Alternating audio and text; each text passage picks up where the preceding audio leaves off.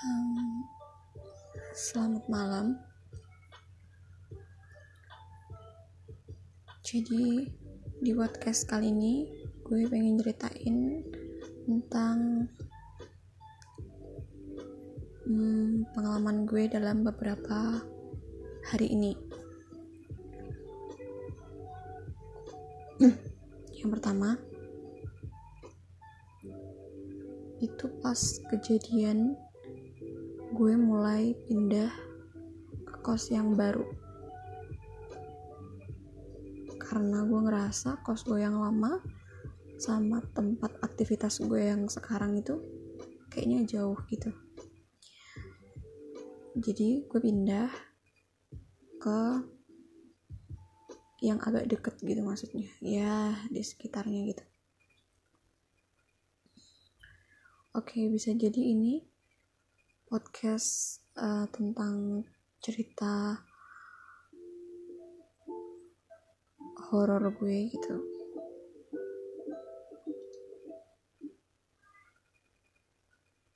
Nah pas kejadian pertama itu gue tuh susah banget kayak nyari kosan gitu susah. Di mana mana gak ada yang cocok. Soalnya yang pertama itu karena emang kota gitu.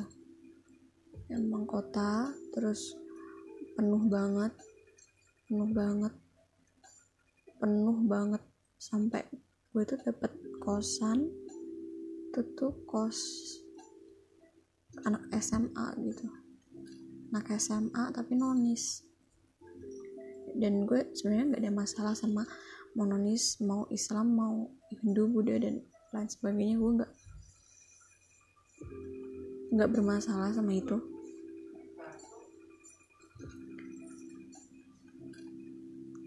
Tapi permasalahannya gue kurang nyaman karena kos ini tuh berada di ruang atas gitu. Sampai kayak gue ngerasa kayaknya nggak kayaknya gue nggak nggak ambil nih kos gitu. Soalnya kan itu lantai tiga ya jadi lantai bawah tuh lantai bawah itu buat yang jagain atau yang punya kosan itu. Terus lantai atasnya lagi itu anak-anak SMA ya. Terus lantai atasnya lagi tuh kamar gue. Dan di lantai paling atas di kamar gue nih nggak ada kamar lagi. Jadi intinya kamar atas tuh kamar yang ya satu doang gitu intinya. Kalau pas waktu siang ke situ tuh kayaknya enak banget gitu ya. Jadi mata tuh kalau ngeliat ke jendela tuh langsung kayak lihat kota gitu. Enak banget gitu. Tapi pas gue pikir-pikir kayaknya nggak enak juga nih kalau misal masa iya sih kalau misal mati lampu gue di atas sendirian gitu kan? Akhirnya oke okay, gue nggak nggak ngambil tuh kos selang berapa bulan agak lama gitu gue mulai ketemu kos lagi. Kebetulan kos itu tuh deket sama kos temen gue gitu. Tepatnya lebih di belakang kontrakan temen gue. Emang agak di dalam gang kecil gitu harus masuk. Motor aja sempit gitu kan. Tapi oke okay lah daripada gue nggak dapat kos kan juga bingung gitu kan ya kali kan masa mau tidur di jalan gitu kan. Oke. Okay. itu pun gue nunggu. Gue nunggu hampir semingguan lah biar uh, kata bu kosnya tuh oh iya nanti ada lagi yang mau kosong semingguan lagi soalnya orangnya mau nikah gitu. Oke dia gue kan nungguin gitu kan daripada gue nyari kos kosan terus malah kayak gak dapet dapet atau kosnya nggak cocok ya udahlah kayaknya di situ enak gitu kan. Apalagi deket sama temen. Jadi kalau misal butuh bantuan butuh bantuan itu bisa deket gitu kan. Oke okay. um, ini selang seminggu lagi. Akhirnya gue dapet kunci tuh kos-kosan. Udah gue bayar. Ya termasuk agak miring lah ya harganya udah lengkap sama kasur sama almari juga ada meja juga. Termasuk murah terus bersih gitu. Ini kos muslimah deh. Ya gue gue bilang ini kos muslimah karena emang kayak di situ tuh nggak boleh ada tamu cowok dateng gitu gitu terus kalau keluar malam itu ada jam malamnya juga kan. Oke ini di inti ceritanya aja. Jadi di inti ceritanya tuh gue tuh kayak pengen lihat gitu. Sebenarnya gue dapat kunci cuman belum pernah lihat kamarnya. Terus oke okay deh. Gue janjian dulu sama um, mbak-mbak yang dipasrahin kos itu sama bu kos. Lama banget nunggu orangnya tuh keluar tuh. Sumpah lama banget gue nungguin di depan gerbang tuh sampai aduh capek ya berdiri gitu kan. Bolak balik ke tempat saudara. Sampai ke kos lagi gitu kan. Oke sebut aja namanya mawar. Nah si mawar ini akhirnya bukain gerbang. Duh dan udah lama banget katanya dia mandi. Sorry ya gue mandi gitu. Oke deh. Oke nggak apa-apa. Ucap kayak gitu. Terus dia nyeritain kalau di sini di, di kamar yang paling depan itu itu kamarnya yang punya kos gitu. Oh terus yang samping-sampingnya tuh ada juga yang punya cuman cuman mereka tuh pada kayak jarang balik karena karena mereka tuh kuliah terus nggak tahu lah gimana intinya mereka jarang balik gitu ya. Maksudnya tuh di situ tuh banyak anak kuliah yang cuman biasa kalau punya kos di sini tuh buat transit doang gitu. Jadi nggak ditempatin buat tidur malam gitu nggak cuman buat kayak transit naruh atau naruh naruh barang doang gitu kali ya. Itu itu menurut gue gitu. Terus oke okay lah. Ternyata kamar gue tuh di atas di lantai dua. Dari tangganya sih udah kayak lumayan. Kalau bahasa Jawa Jawa itu jejak ya ya gue emang orang Jawa. Terus kamar gue tuh paling ujung gitu. Jadi ada tiga kamar. Jadi kamar jadi pas waktu gue naik tangga itu deket tangga itu kamar mandi samping tangga itu oh, samping kamar mandi itu ada musola gitu kan. Terus sampingnya lagi tuh baru kamar-kamar ada tiga kamar berderet-deret. Kamar pertama itu kamarnya si mawar ini kamar kedua gue nggak ngerti kamar siapa tapi yang jelas kamar itu kosong gitu ditutup maksudnya. Atau kata Mbak Mawar ini kamar tengah ini tuh ada yang punya cuma jarang balik. Jadi pada intinya ini kosan itu di booking atau ditempatin kalau pas lagi transit doang. Atau cuman buat naruh barang-barang doang. Oke okay. kalian ngerti kan mas gue? Jadi di situ tuh cuman ada tiga orang yang tetap stay atau terus nidurin situ. Pertama anak bawah yang dia tuh kuliah juga tapi tiap malam ada gitu kan. Sama kamar atas cuman satu orang si mawar ini doang. Terus uh, ada batas gitu kamar satunya lagi nggak tahu siapa. Baru kamar gue kamar gue paling ujung banget lorong paling ujung. Ya gimana ya dibilang kayak horor ya enggak sih. Tapi lebih kayak ke gelap gitu. Oke deh gue nggak nggak bertele-tele ya. Gue dikasih kunci gue suruh ngeliat kamarnya sendiri. Gue buka dong kamarnya kan. Dan ya emang kosong nggak ada apa-apa gitu kan bekas bekas orang yang kemarin semingguan baru pindah gitu dan gue nonton. Oke okay, cicak gue bunyi gue nonton chat kamar pertama itu. Udah kayak ngelupas-ngelupas gitu. Oke deh. Kayaknya perlu dicat gitu. Terus gue gue ngeliat kasurnya gue ngeliat keadaan kamar. Perlu banyak yang direnov gitu kan. Yaudah gue hanya pamitan sama si mawar ini. Dia balik dong. Dan ini selang sekitar semingguan ya gue mau datang ke kos lagi. Gue mau ngefoto di kosan gue kasih lihat ke yang punya kos. Kalau di kosan perlu direnovasi gitu kamar gue itu perlu dicat ulang terus uh, kelambunya tuh udah kotor ya udah rusak gitu. Terus ya banyak kotoran-kotoran yang nempel kayaknya. Kalau yang punya kosan lama tuh maksudnya tem orang yang nempatin kamar gue orang yang kemarin nempatin maksud gue itu kayaknya tuh kurang bersih gitu. Jadi kalau ada kayak bekas jari-jari yang kotor entah itu bekas keringat atau apa itu nempel di dinding gitu kan. Jadi bekas-bekas jari-jari gitu. Kalian ngerti gak sih maksud gue? Jadi kayak tangan kotor atau tangan habis makan terus kalian olesin ke tembok. Nah kayak gitu.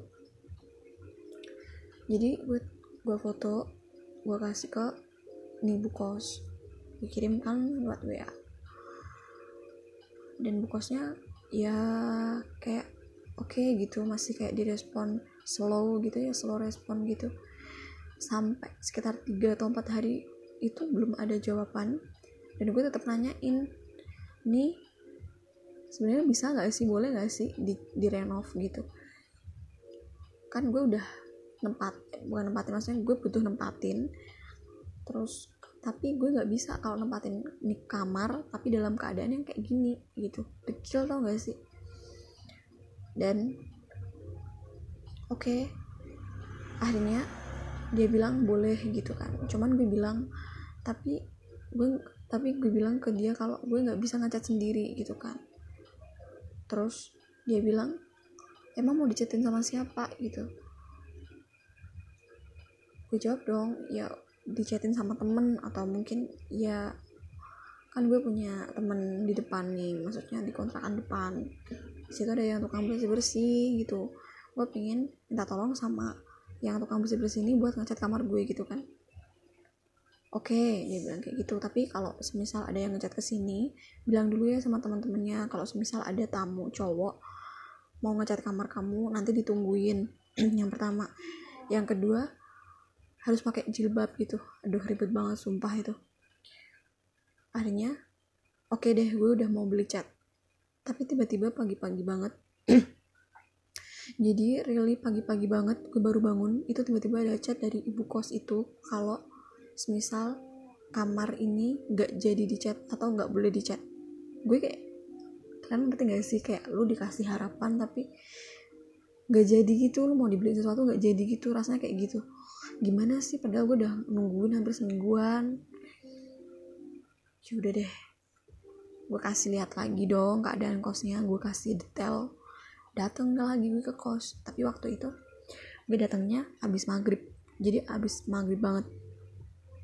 Gue datang dan keadaannya kosong banget cuman ada satu orang di kos yaitu temen yang ada di bawah yang gue bilang uh, dia tuh kayaknya umurnya nggak jauh beda dari gue cuman di bawah gue gitu.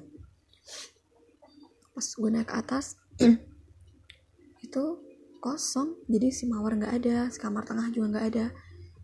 Uh, otomatis gue harus yang ngelewatin lorong itu sendirian gitu. Pas gue buka kamar ya emang gak ada apa-apa sih. Gue kasih aku foto aku foto. Terus oke okay, cukup gue agak gimana ya agak insecure gitu. Kayak takut parno gitu gak sih? Terus gue matiin lampunya gue kunci lagi gue jalan balik turun ke tangga. Pas mau turun ke tangga pas banget mau turun ke tangga. Itu tiba-tiba mati mati dong lampunya. Terus ya lu tahu gak sih rasanya? Lu lagi jalan di tangga terus mati lampu gelap banget. Terus yang gue bilang tadi jadi tangganya itu agak space-nya tinggi-tinggi gitu. Otomatis gue agak cepet gitu turunnya. Terus gue lari. Pas udah hampir nyampe ke bawah sugesti gue tuh ini lantai ke bawah ini lantai paling bawah nih ini udah datar. Tapi ternyata enggak masih ada tiga tiga tangga tiga tangga lagi yang ternyata gue langkahin. Otomatis gue jatuh. Gue jatuh uh, betis gue duluan yang apa ya bahasanya kejatuh ke lantai gitu. Sakit banget sumpah waktu itu. Rasanya kayak keserimpet sama kaki sendiri. Tapi lebih kayak sakit gitu. Terus kan gue sontak teriak dong ya. Udah teriak mati lampu terus teriak gue jatuh lagi. Pas di depan kamar teman gue tadi terus teman gue dateng nanyain dong eh kok bisa? Kenapa ini mati lampu? Ini, ini gitu. Pas gue berdiri itu kaki kan sakit banget. Jadi gue berdiri kayak setengah kaki gue gitu masih ngambang. Terus dia nanya eh nggak apa-apa kan? Gitu. Dan anehnya ketika gue berdiri lampu itu nyala.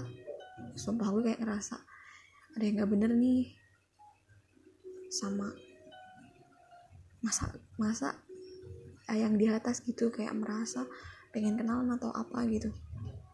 Dan gue nanya-nanya sama si uh, sebut aja namanya Nilam gitu ya sama si Nilam ini sama anak bawah ini maksudnya anak kamar bawah. Ya, di sini nggak ada apa-apa kan ya aku bilang gitu. Maksudnya nggak ada kayak yang sering-sering gimana gitu.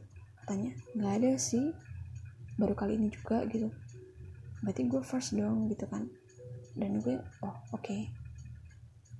mungkin ya gue orang baru di situ. Dan ya udahlah. Mungkin gue perlu lebih sopan lagi kali ya kalau ke situ. Dan gue balik ke kontrakan temen gue. Gue cerita. Dan katanya kata kata kata temen gue ini emang di tempat sini tuh kayak sejarahnya gitu gitu. Tapi gue belum ngerti bener kayak yang gimana sejarahnya. Jadi kayak gue cerita ini itu nanti ada part 2 part 3 nya lagi. Jadi gimana sejarahnya? Kontrakan sama kos belakang yang ternyata itu mereka yang punya tuh masih satu keluarga gitu. Um, terus berapa hari lagi setelah itu selang gue jatuh dari tangga kaki, kaki gue kan kayak bengkak gitu kan. Jadi gue kayak jalan pincang gitu.